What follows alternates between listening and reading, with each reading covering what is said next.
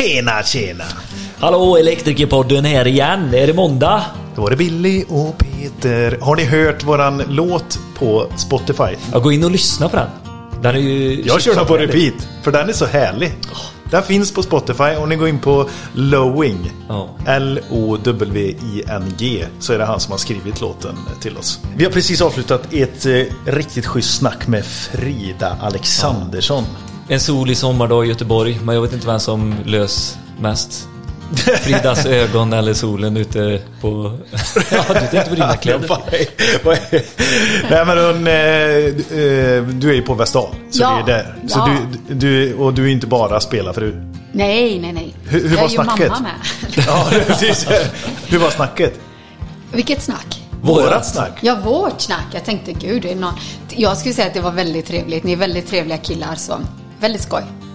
Väldigt bra. vad härligt. Vad Ja. tror du att det kommer landa någonstans då? Nej, men jag tänker ju typ att jag kommer bli lite känd nu, att jag kommer få mer följare på Instagram och kanske Ja. ett eget, eh, vad heter det, TikTok-konto. Ja, Kan det vara så? ja. Ja, jag trodde du skulle säga re reality show. Ja, jag vet, jag vill inte gå så långt, men det, det kan ut, vad heter det, utmynna i det. Ja, precis. Ja. precis. Ditt avsnitt kommer ju sändas någon gång i I september. september. Ja. Mm. Och då har ni även lite produktsläpp. Fick Mm. vi höra här förut. Ja, då kommer vi ha lite sol, eh, vind, hybrider som Ja. ska, vi ska lansera på marknaden. Spännande. Det är Ja. spännande. Man vet inte ens vad det är. Men Nej. ni får vänta och se. Precis, får vänta och se. precis. Ja. Men nu kommer ju ett avsnitt idag med en kompis till dig faktiskt. Eller en bekant. ja. I alla fall. Christian Sandahl ska vi Precis. lyssna på. Han är- Igen. Nu igen ska vi ja. se vad han ljuger om idag. Ja. Ja. Så, och det här är ju Charge Node. Det är så här, vi pratar inte om ChargeNode mer än deras kunskap. Vi ville Ja. att Christian skulle ge oss lite info hur marknaden ser ut, hur snacket går när han är ute hos kunder och allt Yes. det här och, och vart marknaden är och hur vi ska tänka när vi säljer till våra kunder som har köpt en elbil och allt. Så det här är liksom en hjälp, eh, ett, ett hjälpavsnitt för er där ute för att sälja och eh, kränga lite elbilsladdare. Och när man dessutom sätter dem i snygga Vestal-belysningspollare, då är det ju... Ja, det kom ju också fram. Ja. Det visste inte jag om. Och han är, de är duktiga kunder till oss.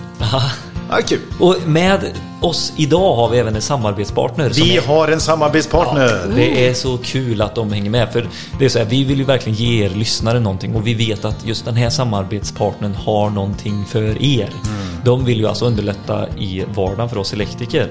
Och det är Elvis. ja, Elinfo heter El, de ju. ja, precis. Elinfo och i andra munnar Elvis. Ja, deras program heter ju Elvis och med det här programmet så kan ju vi alltså fokusera på det som vi är bra på, vi elektriker. Ni ska ta betalt för att ni är elektriker och har en kunskap om hur el funkar och elinstallation går till. Och det gör ju Elvis de hjälper ju oss att göra det. Och med Elvis så finns det alltså olika program i detta. Det finns eh, kabeldimensionering, det finns mallar, hur man ska driva eh, egenkontrollsprogrammet, eh, olika checklistor, massa hjälp egentligen. Och sen så har de en del som är el Elvis Info och där kan du spara alla handböcker, alltså föreskrifter och sånt som är supersmidigt att komma åt i både appen och på datorn.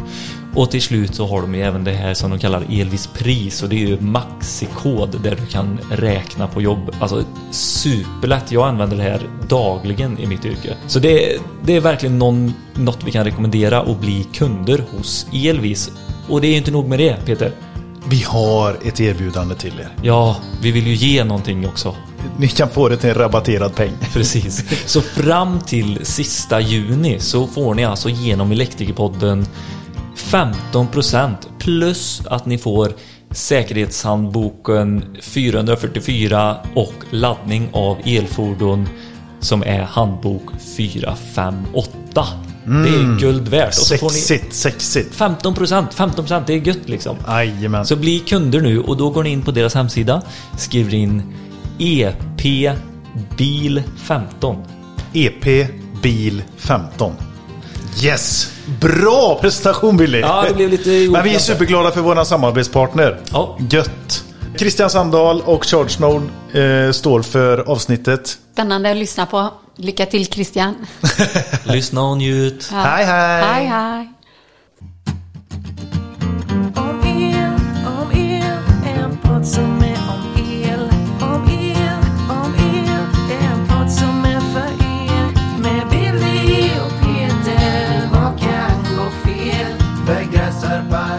Vi säger hej och välkomna till Charge Node. Christian, välkommen tillbaka. Tackar, tackar. Du har med dig eh, en fantastisk representant också för Charge Node, Mikael Lindholm. Tackar, tackar. Ser fram emot detta.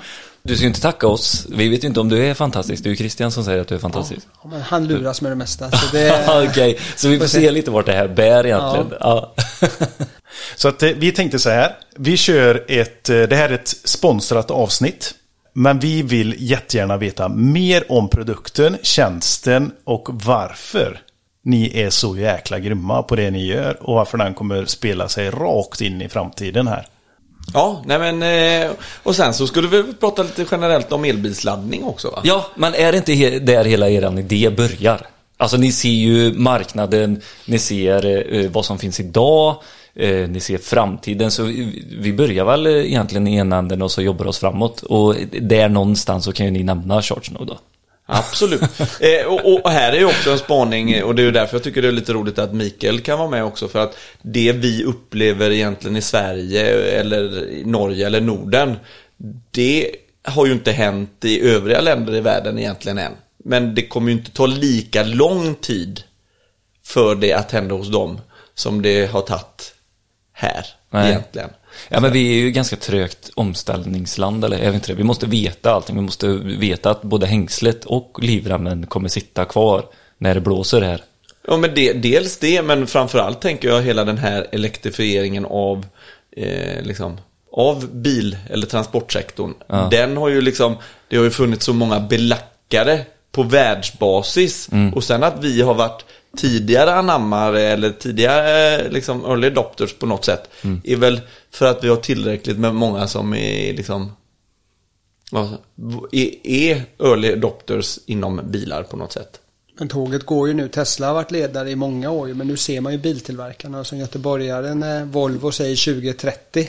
Så Ja. ett väldigt tydligt mål och du ser accelerationen runt omkring överallt. Det är ju ett statement som håller på att komma igenom nu. Och vi pratar mycket, vi har ju några eh, tidigare avsnitt eh, innan ert släpps här, då har vi pratat om den här utmaningen, den stora pucken som vi står inför. Alltså vi, vi pratar effektbrist, men inte bara det utan även eh, kapacitetsbristen som vi har i Sverige. Och det är ju, det kommer ju många lösningar och det kommer Tibber är ju en sån lösning med att du ska bli eh, liksom medveten om din förbrukning. Eh, men det är inte alltid att man vill vara så himla medveten. Ibland vill man ju att det ska funka också. Och det är ju därför ni har tagit fram den här lösningen också. Nej men så är det ju och det- där kan man väl säga att vi sen, eh, bara sen eh, senaste gången vi träffades har vi ju kunnat och varit tvungna att ytterligare förtydliga hur, hur få ampere serviskabel du behöver ha per parkeringsplats om du ändå liksom parkerar över en natt. Så nu är vi liksom, om vi hoppar in på de här detaljerna redan så är det ju så någonstans mellan en halv till en ampere trefas. Det är ju liksom per parkeringsplats för en bostadsrättsförening till exempel. Det är liksom mer så behöver du inte ha om alla som parkerar i bostadsrättsföreningen har en elbil. Så att Och då menar du hel elbil? Ja, helelbil. Du kör ju nödvändigtvis inte fler mil per år om du har en helelbil än att du har en eh, hybridbil. Nej. Och det här har vi ju tagit fram lite eh, matriser för nu för att se hur, alltså Säg att den generella eh, bilägaren i Sverige idag kör 1500 mil. Det ju vad förs- försäkringsbolaget frågar. Liksom. Kör du mer eller mindre än 1500 mil? Ja, kör man mer då är det ju inte 15 000 mil utan det är kanske 2000 mil och max. Ja. Och det är ju liksom, det är ju den körsträckan då och den effekten som du får en konsekvens av. Så ska du köra väldigt många mil du laddar hemma eh, på ett år, ja men då behöver du mer effekt. Men eh, hos en bostadsrättsförening per plats, om du kör typ 1500 mil, så behöver du inte mer än en halv ampere trefas kanske. Exakt. Eh, Och det det som är... tydligare och tydligare tycker jag också att bilarna står ju längre än vad man tror. Och det är ju inte bara hemma, jag vet inte statistiken att bilen står 95% av tiden. Precis. Men även på företag och sådana som har eh, verksamhetskritiska bilar. Där står ju bilarna längre än vad de tror också. Mm. Vilket ger vår lösning en bra utnyttjandegrad då. För står den där längre så kan man dela upp laddningen. Nej Nej men så är det verkligen. Och eh, vi börjar väl eh, ge oss på den eh, stora frågan hur nuläget ser ut med antal, nu menar jag inte antal alltså i en siffra sålda utan kanske procentuellt sett. Hur, hur ser det ut i dagsläget med elbilar? Men där hade ju, Mikael, du hade ju någon siffra som hur många laddningsbara bilar, och då är det ju både hel och elbilar, det finns eh, i, i, just nu i Sverige. Ja. Ja, nu är det lite drygt 200 000 eh, som finns per april då. Eh, Som kom från Power Circle. Och sen tyckte jag det var intressant med Volkswagen som sålde sex, 62 procent av all deras, deras försäljning var laddbara bilar. Ja. Vilket den- är en enorma siffror om Ja, man ja. tänker efter. Ja. För om jag säger så här att det kommer vara 2030 så kommer det vara 2,5 miljoner elbilar i Sverige. Och behovet kommer vara alltså 12 553 stycken publika laddpunkter. Och då är det bara en publika du pratar om där. Då är det Vilket är publika. intressant. Ja. Nej men här är ju, alltså det här rör ju på sig så fort. Eh, Så det är inte klokt. Jag menar, här är det ju så att Sen förra gången vi träffades också eh, och diskuterade det här så är det liksom, då har ju kanske förmånsvärdet på, på, på laddbara bilar gått upp lite. Men de har kanske kryddat på något på eh, så att säga, det här bidraget som finns för försäljningssidan på bilen. Så att där kanske liksom, trycket har mattats lite men de har ju inte gjort någon förändring eh, på Eh, laddsidan, alltså det här 50-procentiga bidraget som du eh, pratar om Mikael. Eh, och det vet man ju inte heller hur länge det finns kvar. Men för större företag och parkeringsområden och bostadsrättsföreningar så är det ju liksom, det här bidraget finns ju här och nu. Det kanske till och med är nästan borta bara inom 18 månader. Och det betyder ju att varför ska man ens så bara göra ett par när man ser att men det här är ju en så, det kommer bara se ut så här och allting tyder ju på egentligen att om vi tittar på Norge till exempel att stor del av laddningen kommer ske hemma. 90% kommer ske i hemmet och eller på jobbet. Och det är bara 10% som kommer ske längs vägen. Och det betyder ju att de här publika laddpunkterna, där tycker jag att man kan kanske vara tydligare då om vi diskuterar så vad är helelbil och vad är eh, hybridbil. Ja, men det, när man pratar laddpunkter så tycker jag man slarvar också lite i vad är AC-laddning, alltså långsamladdning och vad är DC-laddning. Det är ju två helt olika behov och två helt olika världar. Sen så kanske de här smälter ihop någonstans på, på mitten. Eh, och där det finns definitivt en prisskillnad idag. Så DC-laddning kostar ju mer och AC-laddning kostar mindre. Hur ser det ut? Finns det något föregångsland nu i, i Norden som har dragit eh, lite snabbare i eh, antalet publika laddpunkter? Är det Norge? Ja, det? är det. Ja, ja, det är alla gånger Norge. Så det, det behöver man nästan inte ifrågasätta. Så på den här kartan så är det ju, jag såg någon eh, grej här, det är ju Norge av total bilmängd. Norge leder, tätt följd av Island. Det är för att de har ju så få Ja. bilar ens och, och de behöver ju bara en enda superladdningsstation på hela Island. Den är, behöver ju finnas i centrum på Reykjavik och så har de löst problemet. Nej men där sker ju liksom den här förändringen och det är lite roligt att se. De kom från ingenstans, bara rätt upp. Jag ser det framför mig, det är utanför korvkiosken så, där, så är det en snabbladdning. Jag, jag, jag har inte varit i fullt så kommer man ju tre varv runt, runt ön liksom. Men just att det är föregångsland, det är ju bra för oss att titta på för att vi skulle vara så annorlunda jämfört med Norge, det, det är väl osannolikt. Och där är det som just Christian sa, det att det är väldigt stor andel som laddas hemma. Och det med AC-laddning. Och även på bidragssidan, de är ju nere nu efter 3-4 år på 20 procent. Så det är klart På det blir- 3-4 år bara? Ja, jag vågar inte säga. Nu är de nere på 20 procent. Jag vågar inte säga vad de var på innan. Men de är kraftigt gått ner. Ja. Just för att de har ju gått över kurvan. Det är så pass accepterat och vanligt med elbil. Så det kommer ju hända här också. Vilket gör, upp, uppfattar vi, att det är ett ökat tryck på att nu vill vi ha bidraget. Nu. Alltså vi vet inte hur det ser ut. Och vi vill göra den större investeringen. För Ja, det men- som kostar är kanske inte laddboxen i sig. Utan det är ju allt arbete och den biten. Och det kommer ju inte förändras med tiden. Det kommer vara lika dyrt med mantimmar och kabel. Mm. Nej, och, och det tycker jag också är intressant för vi har ju fortfarande bara svensk verksamhet på Charge Nord. Eh, och när vi ändå tittar på Norge och kanske tyckte att men de har ju redan kommit över det här. Nej, men de är ju inne på sina generationsbyten av laddare och där det laddaren inte kunnat förhålla sig till tiden på dygnet när du laddar eller elpriset, ja då kostar den ju Alltså, då kostar det pengar att inte byta den idag. Ja, men det är det jag tänker, för de måste ju ha kommit så långt, som du säger, de kom förbi pucken och har mest elbilar och allting det här. Så de måste ju ha börjat se typ en upptrappning av de här små problemen som vi håller på och, och alltså det är ju det som är ganska typiskt Sverige. Vi håller ju på och vrider på de här problemen innan de har kommit. Mm. Är det inte så vi funkar? Ja, kanske lite. Eh, men det är ju svårt i, alltså det här som vi har varit inne på, liksom, inte så mycket tillgänglig serviskabel per plats och så vidare. Det här problemet har man ju redan varit över i Norge, men man har ju inte riktigt löst det. Eh, och det tycker jag är intressant att då när vi tittar på den marknaden att det är på det viset. Och sen så bara spaningen på det här, nej, men de har dragit ner på bidraget och de har dessutom sagt att bidraget är 20% på allting som inte har med laddboxen att göra. Det vill säga att det är bara infrastrukturdelen som är bidragsberättigad. Och då kan man ju liksom, tittar man på vår lösning så är ju den alltså kanske infrastruktur till 98% om det finns egentligen inte ens en laddbox i vårt eh, laddsystem. Utan det är ju den laddkontrollen som man skulle kunna säga är laddbox då. Så det blir väldigt spännande att titta på hur den, både den svenska marknaden kommer förhålla sig till vad den norska har gjort. Eh, men som sagt, bidraget finns här och nu eh, och vi vet inte vad som händer och därmed, och det här ser vi mer och mer i och med att det ändå funnits bidraget att eh, de större platserna som vill investera i det här tänk, ser lite att timglaset liksom ändå det, har inte, det är inte fullt på ovansidan utan det börjar bli fullt på nedsidan. Alltså det vi ser framför oss är väl att tidigare innan årsskiftet egentligen så var väl inte behovet alls lika stort som det har blivit nu under första kvartalet. Om vi tittar bara på antalet tjänstebilar som kliver ut på marknaden som beställdes då i fjärde kvartalet. Som nu har kommit ut i första kvartalet 2021. Så är det alltså laddbara eller hel el och då, och då, är vi inte ens i närheten av hur pucken kommer se ut sen när vi faktiskt har privatpersoner som köper sig nej. en egen elbil. Nej, nej.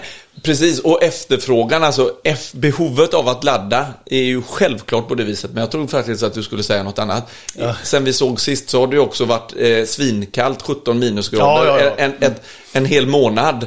Och, och den här eh, effekt momentana effektbristen mm. som faktiskt finns i elnätet, den blev ju ganska uppenbar eh, under februari faktiskt. Men ser man den bristen i eh, effekten i Norge? Eh, delvis ja. Eh, där har man ju kanske delvis ett starkare elnät än i Sverige, mm. alltså på, lokalt. Men man har ju också ett helt annat elnät. Man har ju väldigt mycket enfas installationer i Norge.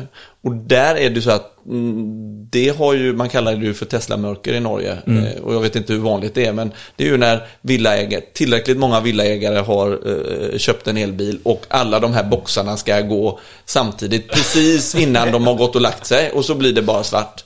Är det sant alltså? Det ja. finns ett... Eh, ja, det finns ett begrepp som heter begrepp. te Tesla, Tesla Vad heter det? Vedertaget eh, begrepp som ja. heter... Ja, det är uttryck i Norge i alla fall när ja. man pratar med dem där. Det är ju allmänt, allmänt känt så. Ja. Ta det igen. Tesla-mörker. ja, det lät jävligt öppigt. Men jag tänker att vi, eh, pratar ni någonting med eh, biltillverkarna när ni planerar för framtiden eller? Lite grann. Lite grann? Ja, eh, ja. här är du inte helt lätt att eh, få entydiga svar. Men Nej. allting eh, talar ju för när vi pratar med dem att det blir mer och mer trefasladdning 11 kilowatt då. Ja. Och sen är det lite motsägelsefullt att varför ska man bara utnyttja hälften av överföringseffekten på den standarden som ändå tillåter 22 kilowatt. Mm. Så någonstans mellan 11 och 22 kilowatt kommer det bli, i, bli standarden i Sverige för hur man eh, kommer ladda. Mm. Och, och, det är enligt eh, er här nu med, den, med facit i hand, egentligen lite nu när ni har 1500 laddpunkter ute, då, då räcker ju det. 11 kilowatt. Jajamän. Eh, översätter du 11 kilowatt i hur många mil du kommer på ett år eller kör så mm. blir det ju fasligt många om du ja. har en egen laddbox. Mm. Eh, och kanske du som i vårt system då kanske 6 till 10 platser delar på en, en laddbox så, så kommer du ändå då eh, 7500 mil eh, om du har möjlighet att ladda bilen dygnet runt och du kommer hälften av det om du bara kan ladda på dagtid eller nattetid. Mm. Så då ja, säg då den t- insikten- 3750 mil eh, kör du ju inte på ett år om eh, vanligtvis. Nej. Men just den insikten som Christian delar där, Mm. det, den blir ju väldigt när kunderna hör eller sådana som investerar, ja just det, jag behöver faktiskt inte en egen laddare. Det är ju helt Nej. vanligt. Jag kör ju inte 3700 mil på ett år. Det gör jag ju inte. Behöver jag en egen? Nej, vi kan ju faktiskt dela och dessutom ha en mindre serviskabel och allting. Ja. Men du måste ju omvandla det till så kunderna förstår. Och det är ju mil som är vana. Ja, kan, vi Försäkringen är ju dra, mil. kan vi dra en snabb sån? Vad drar, vad drar en elbil eh, per mil? Ungefär 2 kilowatt per mil. Ungefär 2 2 kilowatt. kilowatt. Så kör du lite hårdare, så lite över 2 kilowatt och kör du försiktigt så är det under 2 kilowatt per mil. Ja, men det är där de ligger eh, Ja, roundabout. och sen kan du snålköra och kanske den bästa bilen eh, och du kör inte över 80, kanske du kan komma ner mot 1 kilowatt. Men det Ja, är vi har ju, liksom vi inte har det. ju sådana firmabilar eh, som går och så sätter man på eco-mode. Då kommer du inte över 80 km i timmen. Så vi, ja, där, där finns en utveckling att göra alltså, för jag tror eh, våra kunder frågar efter miljövänliga bilar också. Det finns ju biogas och den delen att- ta del av, men vi vill ju ha elbil såklart eftersom vi säljer elbilsladdare. Då vore det konstigt om inte vi åker runt med en själva egentligen. Nej men här tycker jag en, en, om, om vi nu säger så här, nej men Charger Nord jobbar ju också för att någonstans, var, varför finns vi? Det är ju Ja. inte bara för att vi tycker att vi har ett coolt elbilsladdningssystem. Det skulle jag ju säga. Det är delvis Men har vi det. 80 procent någonstans där. Ja. Nej men där är ju också liksom, hur kan vi hjälpas åt och det, den här publiken vi har liksom och, och era lyssnare är ju väl medvetna om det här. Det är ju ingen som har jobbat med oljepannor och oljebrännare historiskt va? På många, många år i alla På fall. många år, ja. Eh, Och det är mer och mer värmepumpar, Ja. eh, oavsett om det är bergvärme eller luftvärme. Alltså det har ju gått, du har gått från att elda upp eh, olja till att, att konsumera el. Mm. Vi ser ju precis samma för, förflyttning nu. Att från att du köper bensin på bensinmacken så köper du mer el hemma och eller på jobbet. Mm. Och hela den här förflyttningen återspeglas ju egentligen, okej, i Sverige om du kör elbil eller i Norge så har du tagit bort det fossila bränslet från kartan helt. Tittar du på världsbasis så är 82% av all el i världen som produceras gjort på fossilt bränsle. Kol eller olja. Så det, säga, bara för att vi elektrifierar, nej men om vi, bara för att du köper elbil ut på världsbasis så har du inte fly- förflyttat Mm. Så mycket. Alltså du, sen har de gjort jämförelsestudier att det ändå är bättre. För att du kan rena den här, så säga, de här fossila utsläppen på ett annat sätt. Och Aha, det okej. finns lite andra grejer. Men du har ju på världsglobal basis lite en, en utmaning att den elen som tillkommer för att ladda bilen nu, den ska ju helst inte komma från någonting som du redan hade. Så i Sverige och Norden och länder som ligger långt fram i det förnybara sättet att producera el har ju, skulle man ju liksom pinpointa lite extra. Men jag tror ju också att den här möjligheten att kunna se till att skaffa billig el genom solceller som du kanske laddar i din bil som du då kör med. Eh, där är det lite hönan och ägget. Så då börja med bilen så kommer det här vara en kraftigt bidragande eh, orsak, alltså bilen i sig, att dra ner på den här procentsatsen av eh, fossilt tillverkad el som är, eh, finns i världen. Jag känner så här, vi, vi, kan, eh, vi skulle kunna prata om det här väldigt Ja, nu mycket. det är eh, för runt om mycket Britt och Bett. eh, diskussioner för, för jag en jävla det. fråga. Jag håller med dig. Nej, nej, men jag gillar det verkligen och det, kommer, det är ju så här det ser ut och det är ju så man pratar alltså när det är elektriker emellan också vad man ska välja och allt det. Det är ju, det är ju inte en fråga som är lätt att svara på. Så är det bara. Så jag tänkte så här, vi har ju några eh, frågeställningar Peter så, så vi kör egentligen, vi kan köra igenom dem och så kan ni försöka svara så gott ni kan på dem. Frågeställningarna som är ganska vanliga hos kunder eller, eller och elektriker. Vi har försökt skapa oss en uppfattning om vad, vad, vad ni lyssnare vill höra. Eh, och det är ju marknaden för er. Så därför så får du stå till svars lite här nu Christian. Vad du också har stött på lite grann. Vilka frågeställningar ni har och hur ni gör en så bra affär som möjligt för era slutkunder. Ofta när vi kommer ut eh, till våra kunder eh, så har de köpt en elbil eller beställt en elbil. Eh, och då kommer frågan, hur ser våra möjligheter ut? Alltså hur ska vi tänka? För att ladda. Ja, för att ladda och de står alltså på, på blankt papper egentligen och då står ju vi elektriker där och ska svara på de här frågorna. Vad är det för parameter vi behöver få Precis, och då, då är det så att det, det här känner ju alla elektriker. Det är så här, okej, vad har du för inkommande servis? Hur, vad är den avsäkrad? Och det kan ju vara så att du har en avsäkring eh, som är 20 eller 25 eller i värsta fall 16. Och då är det så att har du en helelbil, då laddar den ju kanske inte under 6 ampere trefas. Så att om du då ska få lite tjong i den och så kan den ladda 16 ampere trefas, ja men då blir det inte mycket kvar på någon av de säkringstyperna. Nej, exakt. Eh, Så då är det första frågan så här, hur mycket behöver du ladda då? Ja. Hur fort behöver du ladda? Eh, och, och egentligen så här, hur många mil kör du per dag? Som egentligen ger frågan, hur mycket behöver du ladda per dag? Och skulle man då slarva med att ladda varje dag så kan det ju hända att men då behöver du ladda väldigt mycket på en dag. Och då finns det ingen serviskabel eller finns ingen effekt den dagen kvar. Då får du stänga ner hela huset. Så där är det ju ganska enkelt liksom som elektriker. Okej, vad är det för serviskabel? Och hur mycket kör du och hur ofta kan du tänka dig att ladda? För kör du väldigt mycket och behöver ladda väldigt mycket varje dag, ja men då kommer du inte klara dig på kanske ens den eh, gängan som du har. Det är ju samma gäng upp till 25 ampere va? Och sen Ja, det är väl en helt en annan, eh, eh, ja, det, en helt ja, ja, annan, precis. eh, Det är byta 2 hela 25, sen är det sen. 3. Ja, och det är ju inte, alltså du får oftast inte mer än 25 ampere. Så är det. Men nu pratar du också hemma en Ja. person, vilket kanske inte är det normala utan många bor ju i hyresrätter eller bostadsrätter där det här multiplas. Så det är ju inte en laddning du ska tillgodose utan det är ju många laddningar Ja. där det här då Ja. ökar. Ja. Ja, och, och fastän det finns väldigt mycket villaladdare också naturligtvis. Det är ju en stor marknad. Och där frågan är snarare så här, hur ska jag kunna ladda två bilar Ja. på 16 amperes säkring eller 25 amperes säkring. Och där egentligen vi, vår teknik också kommer i spel, även om vi inte har en riktigt kommersialiserad produkt där. Men som egentligen skulle kunna ha en laddare och säg upp till fyra platser och jobba på samma sätt. Så, och då kanske du kan klara det på ännu mindre effekt. Men eh, där är ju liksom eh, Ladda elbil hemma under 20 ampere, det är svårt. 20 till 25 och är det lite större villor så är du kanske är du uppe på 35 eller 63 ampere. Ja, men då blir ju inte det här en så stor utmaning och du kanske inte ens behöver den här lastbalanseraren. Och eh, ja, men jag, jag skulle säga så här, min, min uppfattning eh, som de delarna, nu, nu är det eh, Tim som alla känner igen, praktikant-Tim. Han säljer ju otroligt mycket eh, hemmaladdare eh, hos, eh, på, på min firma där jag jobbar. Men jag tycker ju att det är ju dumt att sätta någonting under en trefas 11 kW laddare.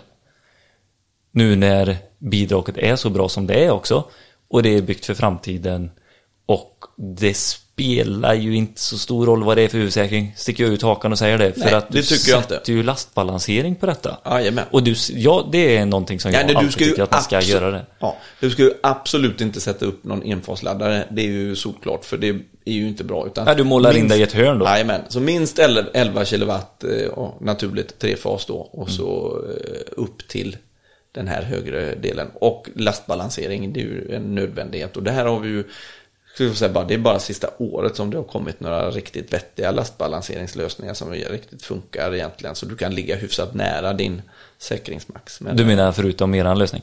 Ja, nu har ju inte vi en, eh, en kommersialiserad hemmalösning än. Nej, men, nej, men jag tänkte på större men för anläggningar, större så- anläggningar så är, så är vi ju oerhört duktiga på att ligga nära säkringsmaxet. Mm. Det kan vi väl ta rent tekniskt så är det så att eh, går du på standard Modbus-protokoll så får du effektvärdet kanske var fjärde, var fjortonde sekund.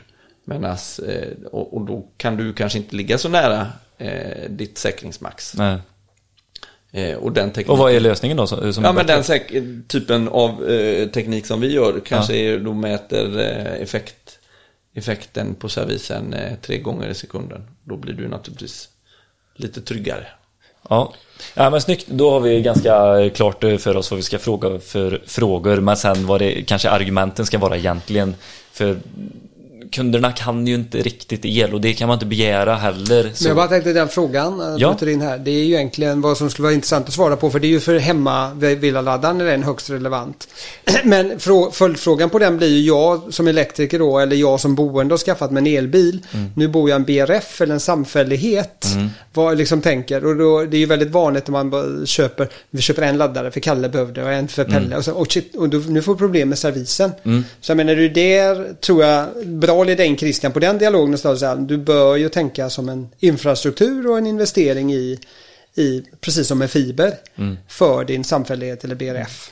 Där då för en, ja det är ett mikroperspektiv, men det här blir ju ännu mer med lastbalansering och allting. Ju fler som ska in i samma delar på samma servis, Mm. ju större blir problemet. Men de pratar ju om det i framtiden att de kommer ha det här smarta elnätet. Att eh, elnätet kommer prata med varje enskild förbrukare. Har ni hört det? Förbrukare eller bil? Nej, förbrukare, alltså ett hushåll, den kommer prata med din eh, elmätare egentligen. Och eh, kunna sänka din eh, huvud... Du kan köpa ett flex-abonnemang egentligen och så kommer du eh, kunna pendla ner till 16 upp till Det vill 25. säga, du så. betalar för, eh, för, för effekt, alltså effekttariffer på något sätt ja.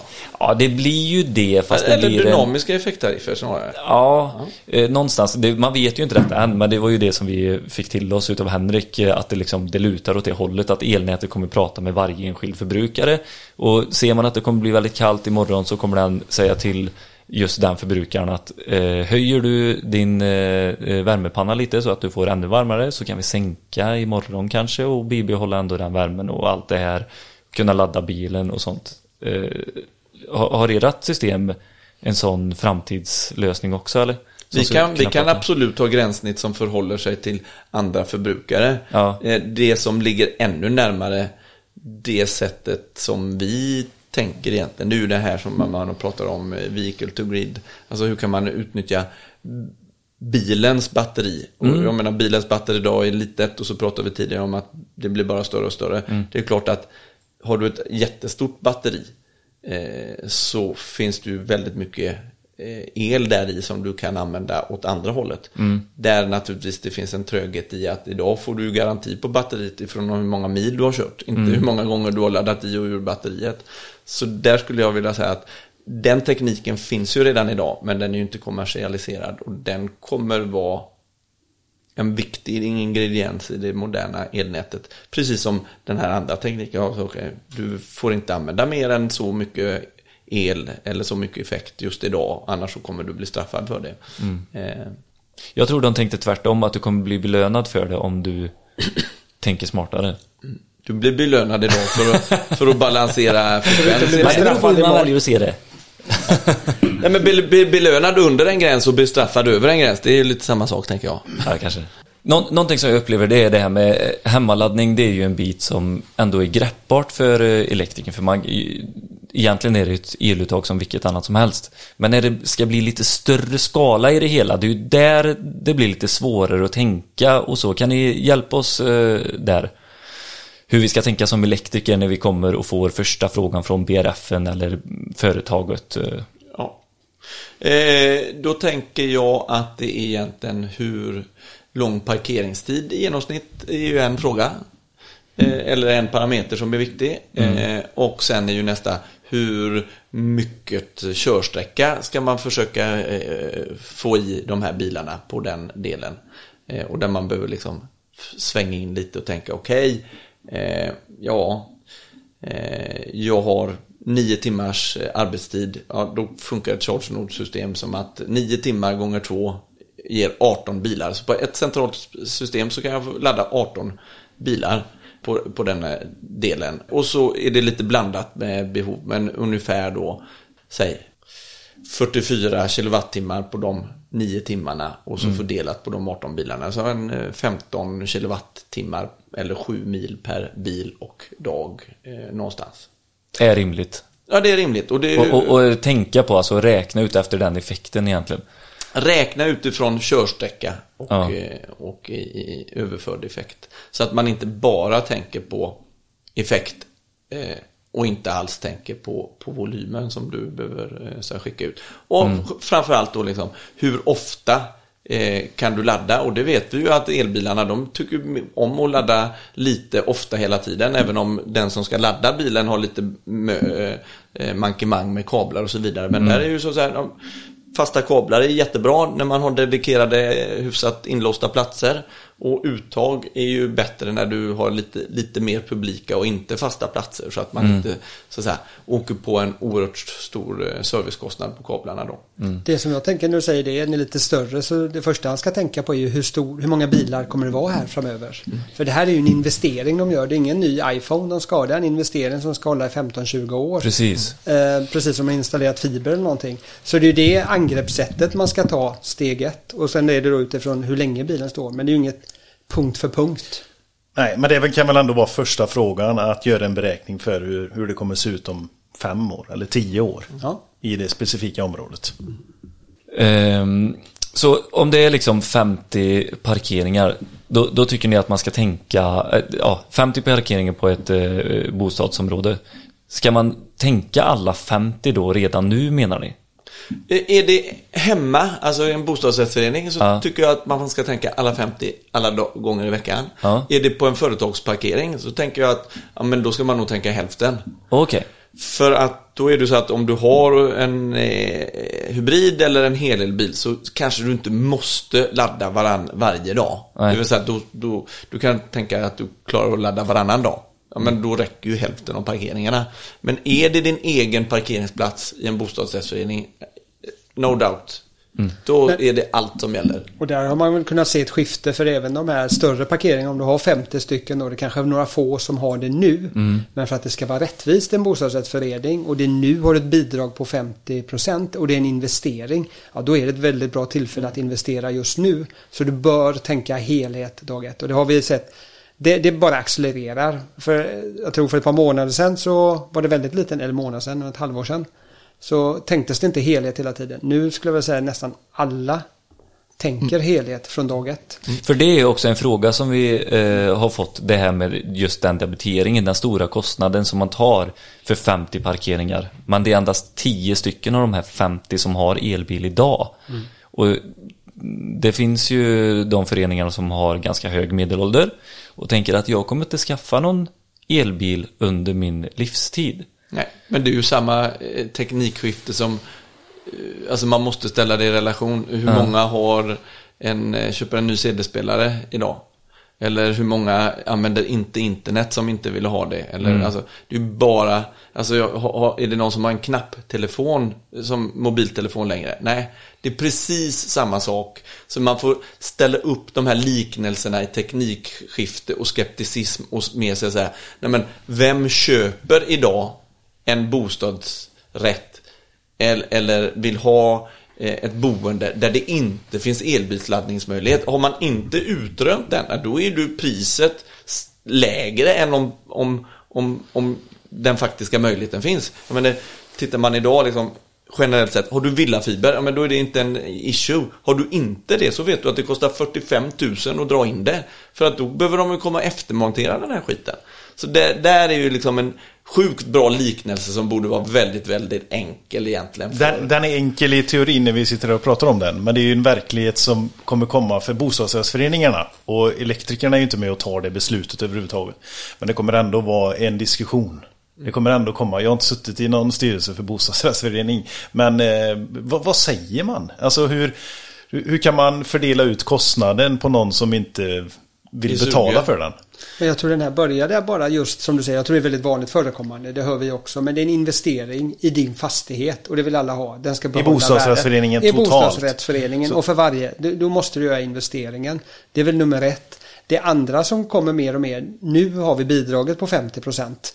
Eh, Okej, om vi inte gör investeringen nu, det gör vi den om fem år kanske. Okej, vad har gått ner på fem år? Ja, materialet skulle, komponenterna går det ner. Ja, så sådär. Storskaligheten är gör att priserna sjunker. Ja, men det som kostar det är mantimmar att installera, det är kabel och råmaterialet. Kommer det gå ner motsvarande de här 50 procenten? Nej, det är väldigt få som tror idag. Det är argumentet för, för många att göra det nu. Och som Christian säger, det är en investering i din fastighets eller bostadsrättsförening eller samfällighet vad det är. Det känns som att man går in med fel eh, ingångsvärde. Att man ska hitta en laddpunkt för de här, de här personerna som har uttryckt att man vill ha det i bostadsrättsföreningen. Så därför stöter man på till slut när man ställer frågan. att eh, det är några som inte är beredda att betala för investeringen. För det är så då- behovet kommer upp, som du säger. Det är någon Ja. som har ett behov och det är då så det börjar och då måste du börja ta diskussionen. Och det finns ju inte lätt att veta hur man ska hantera detta. För behovet kommer från två och så ska du föra in det på allihopa. Så var det nog med fiber också tror jag. Det var inte alla som ville ha fiber dag ett heller. Men jag tror att vi har argumenten framme och det är egentligen bara att när ni väl elektriker och när ni står där inför, eh, inför när ni ska ta diskussioner med bostadsrättsföreningarna. För den kommer ju komma till elektrikern för det är han som ska utföra installationen och sälja förmodligen också. Så eh, för de mer åt att eh, titta på investeringen totalt sett för hela föreningen. Och långsiktigt. Och långsiktigt ja.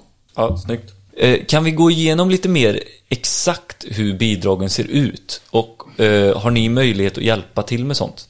Det kan vi gärna eh, diskutera. Eh, och där är det ju så att för bostadsrättsföreningar och samfälligheter så har det här, och framförallt för samfälligheter, har det här varit lite av ett eh, snårigt Nästan till en gråzon. Ja, för att det har varit saker som sagt att samfälligheter, det ligger inte i deras verksamhets eller uppdragsbeskrivning att få installera elbilsladdning. Precis. Det har kommit några eh, senaste månaden här från Växjö, bland annat ett, någon tings, tingsrättsdom som gör att nej, men det här är inte giltigt. De har ju ett avslag så att det behöver inte vara alla som tackar ja för att man ska få göra det i en samfällighetsförening. Det behöver ju vara ett majoritetsbeslut i en Ja, bostadsrättsförening. såklart. Men här är det alltså att visa på den här liknelsen. Om det behöver vara majoritetsbeslut då varenda gång som det ska köpas in tio boxar till så är det ju mycket bättre att bara ta allt i ett klipp och bara verkligen genomlysa det här. Men gör allting nu för det blir aldrig billigare och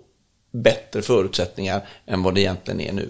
Eh, Men då, det är ju ett ganska stort beslut för då vill man installera rätt produkt också som kommer hålla Men det är ju under en längre väldigt, tid. jag skulle vilja säga att vi med vår produkt ha, får mycket, mycket enklare att få styrelsen att inse att eh, det är allt som ska göras. I och med att vi har den här långa hållbarhetstiden, färre antal elektronikkomponenter och mer infrastruktur och kabel som vi som vårt system innehåller än plastboxar av olika sak. Eh, så. Framförallt färre ingrepp i fastigheten.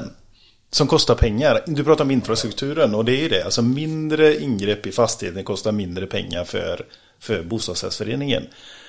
Och sen så tror jag ju just driftskostnader under livstiden också. Jag, Ja, ja. Vi pratar ju om det här att eh, våra ska, alltså komponenter som kan eh, komma till skada det är ett uttag som sitter vid parkeringsplatsen om någon råkar köra på det eller en balk. Det är inte så kostsamt medan om du kör ner en hel laddstolpe med elektronik. En stolpe med nergrävt. Ja, eh, det, kost, det kostar pengar så det är ju en del i det. Och, som Christian är lite inne på när vi gör uppgraderingar då har vi ett centralt skåp och byta kanske något kretskort istället för olika versionshanteringar på flera olika platser. Och Så- många av våra underleverantörer av de komponenterna som finns, standardkomponenterna finns i, har ju Alltså de har ju reservdelar eller ersättningsprodukter som kommer finnas Eh, om 25 år. En laddbox kommer ju inte finnas några reservdelar om det ens går att byta någonting i den. Utan det är ju en helt ny box som, som behöver till. Och då behöver man kanske inte sia om framtiden i 25 år, men det räcker med att du går fem år eller fem månader så är, så är liksom den här utseendet på den här laddboxen borta och då ska du ha en flora av olika laddboxar som sen ska servas, underhållas och hållas ordning på. Det är inte framkomligt. Jag ska inte säga några märken, men de här är första som kom som ser ut som riktiga rymdskepp. Det är ju, ja, jag vet inte om det kommer, det var häftigt i början. Men jag tror inte de är lika nöjda längre hur det blinkar och har sig och ser ut alltså. Nej men det är ju just det att du vill, min, vår spaning är ju absolut att det du vill ha över tid är ju någonting som smälter in i din inomhus eller utomhusmiljö. Du vill inte ha eh, 58 olika färger med på lysdioderna, även om det i dagsläget kanske kan se lite coolt ut, så är det inte det du vill ha. Ja, det är ju våran spaning. Vi vill ju gärna att det ska smälta in. Det är ju inte billaddaren du ska se utan det är ju någonting annat. Eh, Det är ju när du letar efter bil, behöver leta efter billaddaren, den är, den är cool. Du får gräva i buskarna efter det hördet. För vi pratar ju olika debiteringar på, på BRF och sånt. Vad, vad ser ni är en uppskattad lösning för debitering och just den här servicebiten? Vi ser ju att det här eh, som är egentligen finns det två läger. Någon som bara vill ha eh, sin förbrukning på, på sin hyresfaktura. Ja. Eh, och den som kan tänka sig att lägga in ett kreditkort i, eh, i appen för, för att få det här debiterat en gång i månaden. Det är egentligen de två olika och lite beroende på vad du har för bostadsrättsförening och om du tillhör någon som har samdebitering på faktura eller där elräkningen också kommer på samma faktura som du Ja, men har på precis. din avgiftsavi så, så är det liksom egentligen två olika läger och där vi egentligen stöder båda de här eh, grejerna. Och det kan nog vara en ganska vinnande komponent va? för att man kan ju byta däremellan också. Jag vet vissa som har, är i en stor förening, en övergripande förening, som väljer att gå ur den och skapa ett eget. Nej, men jag tänkte just det med eh, många som har en större administration och Mm. kunna hantera betalningar och sånt, debitering. Det är klart man vill kanske göra det. Men annars uppfattar man det väldigt enkelt och folk är vana att i sina appar lägga i kreditkorten. Så Ja. det blir ett väldigt enkelt sätt för en förening att förhålla sig till debiteringen. Men sen så tror jag med servicen tror jag det blir viktigt med dialogen med kunden hela tiden. För elbilsladdning är nytt, nytt för alla. Och, och då att kunna ha en dialog med kunden har vi uppfattat som värdefullt när vi vet att kunden har påbörjat en laddning. Vi kan ha en dialog via appen och hjälpa dem. Det tror jag fortfarande är framgången framåt. Om det är våran app eller någon annan i framtiden. Men att ha en dialog med kunden för att hjälpa dem med laddning. Men ni har ändå direktkontakt med den enskilde Med enskilda användare. användare. Ja. Det har vi. Och, och sen skulle jag vilja säga det här med, med appen som ändå är ett gränssnitt mot kunden. Det är ju inte en identifiering enbart. En RFID-bricka är en identifiering och det är många som säger att det är så lätt med RFID-brickor när du ska starta din laddning. Jo men den RFID-brickan och den så att säga, identifieringen som sker där, den är ju bara för att du ska veta vad du ska skicka debiteringsunderlaget. Den har ju ingenting med att du har en kommunikation mellan dig och laddsystemet som säger vänta nu, nu har det blivit något fel här eller det fanns brist i elnätet eller en säkring har gått eh, och så vidare. Det finns ingen kommunikation mellan eh, en RFID-bricka och ditt laddsystem eh, på det sättet idag. Och där vi säger så här, nej men vi jobbar inte med RFID-bricka, vi jobbar med app. Eh, Det är så vi ser att eh, den upplevelsen som kunden vill ha eh, ska, ska vara och eh, se ut i framtiden. Då ska jag försöka sammanfatta lite här vad vi har gått igenom. Vi, har inte varit inne så jättemycket på elinstallationsregler i detta. Men det har vi ju våran partner Elvis. Alltså el-vis. Och där har vi ju ett samarbete just nu. Eh, som man kan gå in och skriva in våran eh, kampanjkod. Eh, och där har du hela, hela installationsreglerna, eh, hur du ska tänka med installation. Just nu håller vi på att prata om lösningar, möjligheter eh, och, och hur, hur vi tror det kommer se ut i framtiden. Och vi har varit inne på eh, enskilda laddare där vi säger satsa hellre på 11 kW trefas för att vara förberedd för framtidens bilar och de delarna som det för med sig med större batterier och sånt som du var inne på Christian. Och nu har vi ju varit inne på de större, större laddparkerna, hur vi ska lösa detta. Och då sa du att det var tid, hur länge man står och laddar, hur långt du kör och batterikapacitet. Och batterikapacitet. Jajamän. Och att man inte får en flaskhals i. Så ett större laddsystem ska ju också vara 22 kW och inte 11 Precis. kW. Ja. I och med att hemma kanske du har en servissäkring som inte kan hantera 22 kW. Medan i större laddsystem så har du den här kapaciteten. Men du, och du vill absolut inte få en begränsning i vilken kabel eller vilken kapacitet du kan skjuta ut på bilen. Utan när bilen laddar ska den ladda så fort som bara möjligt. Eftersom vi då har fler parker, alltså färre laddare per parkeringsplats helt enkelt. Precis, och då kom vi in, alltså ni lovar ju en laddning på 18 platser med 63 amperes försäkring. Ta oss igenom exakt hur det här fungerar nu så att våra lyssnare är solklara på detta. Ja. Eh, för att kunna ladda eh, en viss volym el på eh, nio timmar eh, en dagparkering på jobbet eller på kvällen eh, i en bostadsrättsförening så behöver du inte ha mer än tre samtidiga laddningar som förser strömmen på de 18 platserna. Eh, och dessutom så är det så att i en normal i en sån installation så kanske du sätter upp klena laddboxar som gör att du får samma långa laddtid på en hel elbil för varje bil. Eh, men alltså i vårt system så kan vi ju då ta reda på hur mycket vill du ladda, Eh, när vill du åka och vad har du för bil? Och därmed kan vi ju göra en beräkning så att vi laddar bilarna i rätt ordning och i den ordningen som de ska användas. Inte i den ordningen som de har eh, kopplats in i systemet. Så Just det, som mer en... traditionella eller dumma inom situationstecken system fungerar idag. I traditionella system idag så är det ju first come first serve. Så finns det en begränsning någonstans i systemet så blir det som en vanlig kö. Det finns ingen möjlighet, ja det finns möjlighet att prioritera i kön. Men den är ju inte dynamisk eller smart utifrån användarens behov. Så för att tala klarspråk här nu. Ert system består av en låda med tre stycken laddare i som distribuerar 18 uttag. Och de får du sätta vart du vill, hur du vill. Ja, så länge du håller dig inom installationsreglerna såklart. Ja. Och det fina i systemet är ju egentligen att det är ju vårt standardsystem som ska hantera en dagsparkering på ett mm. kontor eller med råge en kvällsparkering på en bostadsrättsförening.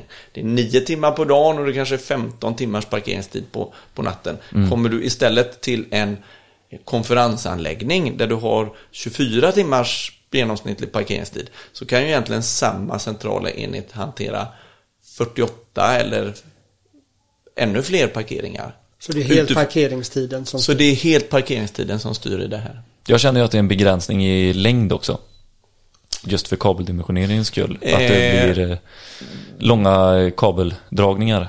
Vad har ni för eh, dimension på era, ert kablage som ni räknar med i 18? Men jag skulle säga att avståndet från en centralt laddskåp till en parkeringsplats ska inte behöva vara längre än kanske 50 meter och då ska inte eh, kabeldimensionen behöva vara större än 6 kvadrat. Mm.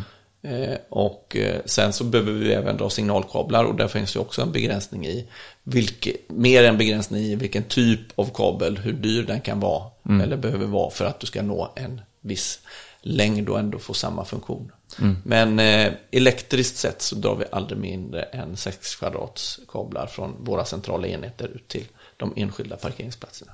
Ja, men om jag är sugen som elektriker och sälja in eh, er i mina projekt här nu som jag har fått eh, många förfrågningar från kunder. Eh, får jag installera detta själv? Eller köper jag det som ett paket att ni kommer att installera det?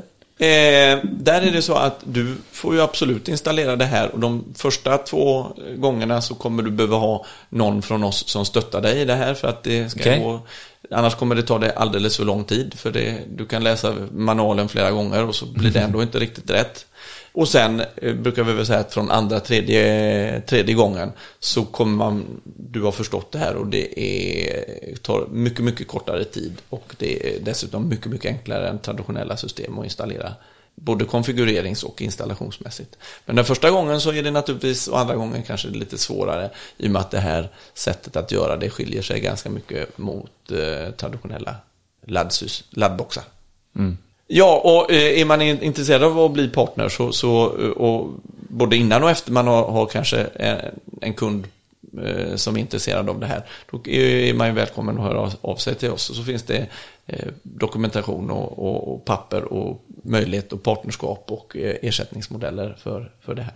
Allt för att göra, underlätta för installatören egentligen? Allt för att underlätta för installatören och allt för att vi ska kunna hålla kostnaden för slutkunden så låg som möjligt men mm. ändå få eh, bra ekonomi i installationen som helhet. Förklara lite mer Christian, vad innebär partnerskapet för mig som eh, elinstallatör? Eller Mikael kanske? Det, ja, Mikael, han sitter sugen här vet du. Nej, men vi vill ju gärna samarbeta. Det, men, men, vi är under uppbyggnad så vi är ju inte jättestora än. Så vi, har inte, vi får ju rätt mycket förfrågningar som är roligt. Och vi är väldigt måna om att få bra Eh, kvalitet på installationerna. Så alla som är seriösa och vill jobba med oss och ser att de har fler installationer att göra vill vi väldigt gärna jobba med. Ehm, och det är det vi mäktar med just nu. Och då har vi ju program där man dels installatörer så när man blir installatör och tittar på en certifieringsprocess för det för att säkra att det blir bra kvalitet och vi kan ge eh, rätt hjälp. Det är den ena delen. Och sen är vi intresserade av säljsamarbeten också, sådana som är ute och säljer och då finns det ersättningar för den biten också. Eh, och då, då tittar vi ju kanske inte främst på hemmaladdare utan det är ju större system. Så det är det som är spännande, det är där vi är intressanta. Och i dagsläget så tittar vi egentligen på installationer där vi tittar på 12 laddpunkter och uppåt eh, i det vi gör. Och det är väl väldigt naturligt tror jag att titta där också. Oftast får man en förfrågan att jag har 2, 3, 4 men när du tittar på parkeringen så ser du att det finns 10, 15, 20, 30 platser. Och ta dialogen då om att ja, men det här är faktiskt en investering du ska göra.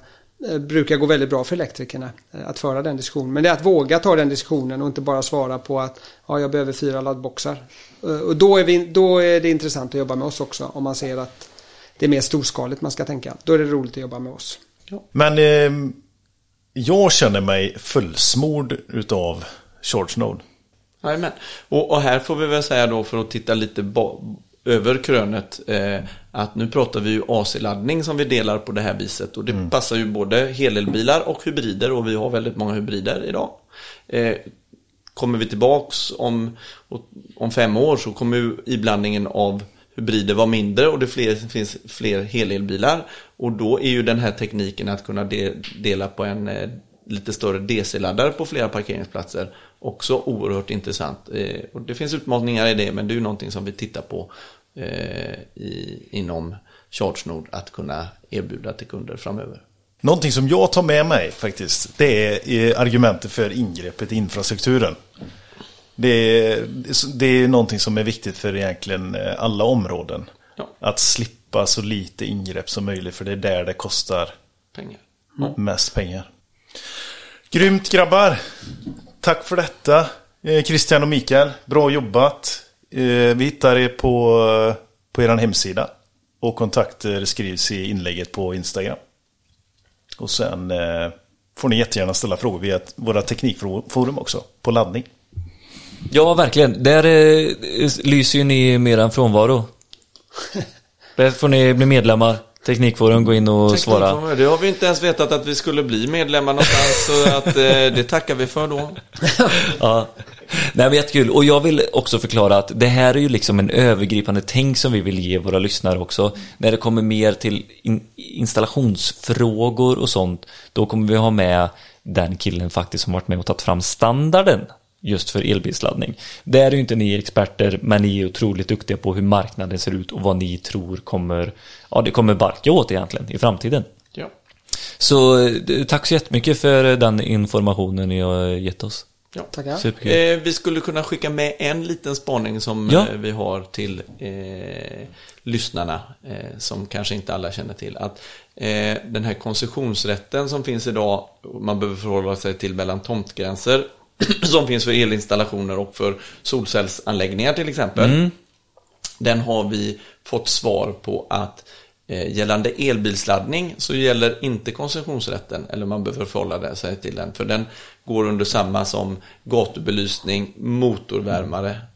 Eh, Det vill säga att du behöver inte förhålla dig till att dra och hämta matning, strömmatning från eh, en annan tomt eller en annan fastighet så länge parkeringsplatsen är för gemensamt utnyttjande. Jaha. Det var eh, intressant. Så ser det ut och det kan vara bra att känna till för annars kan det ofta utgöra ett ganska stort, stort hinder mm. i det här.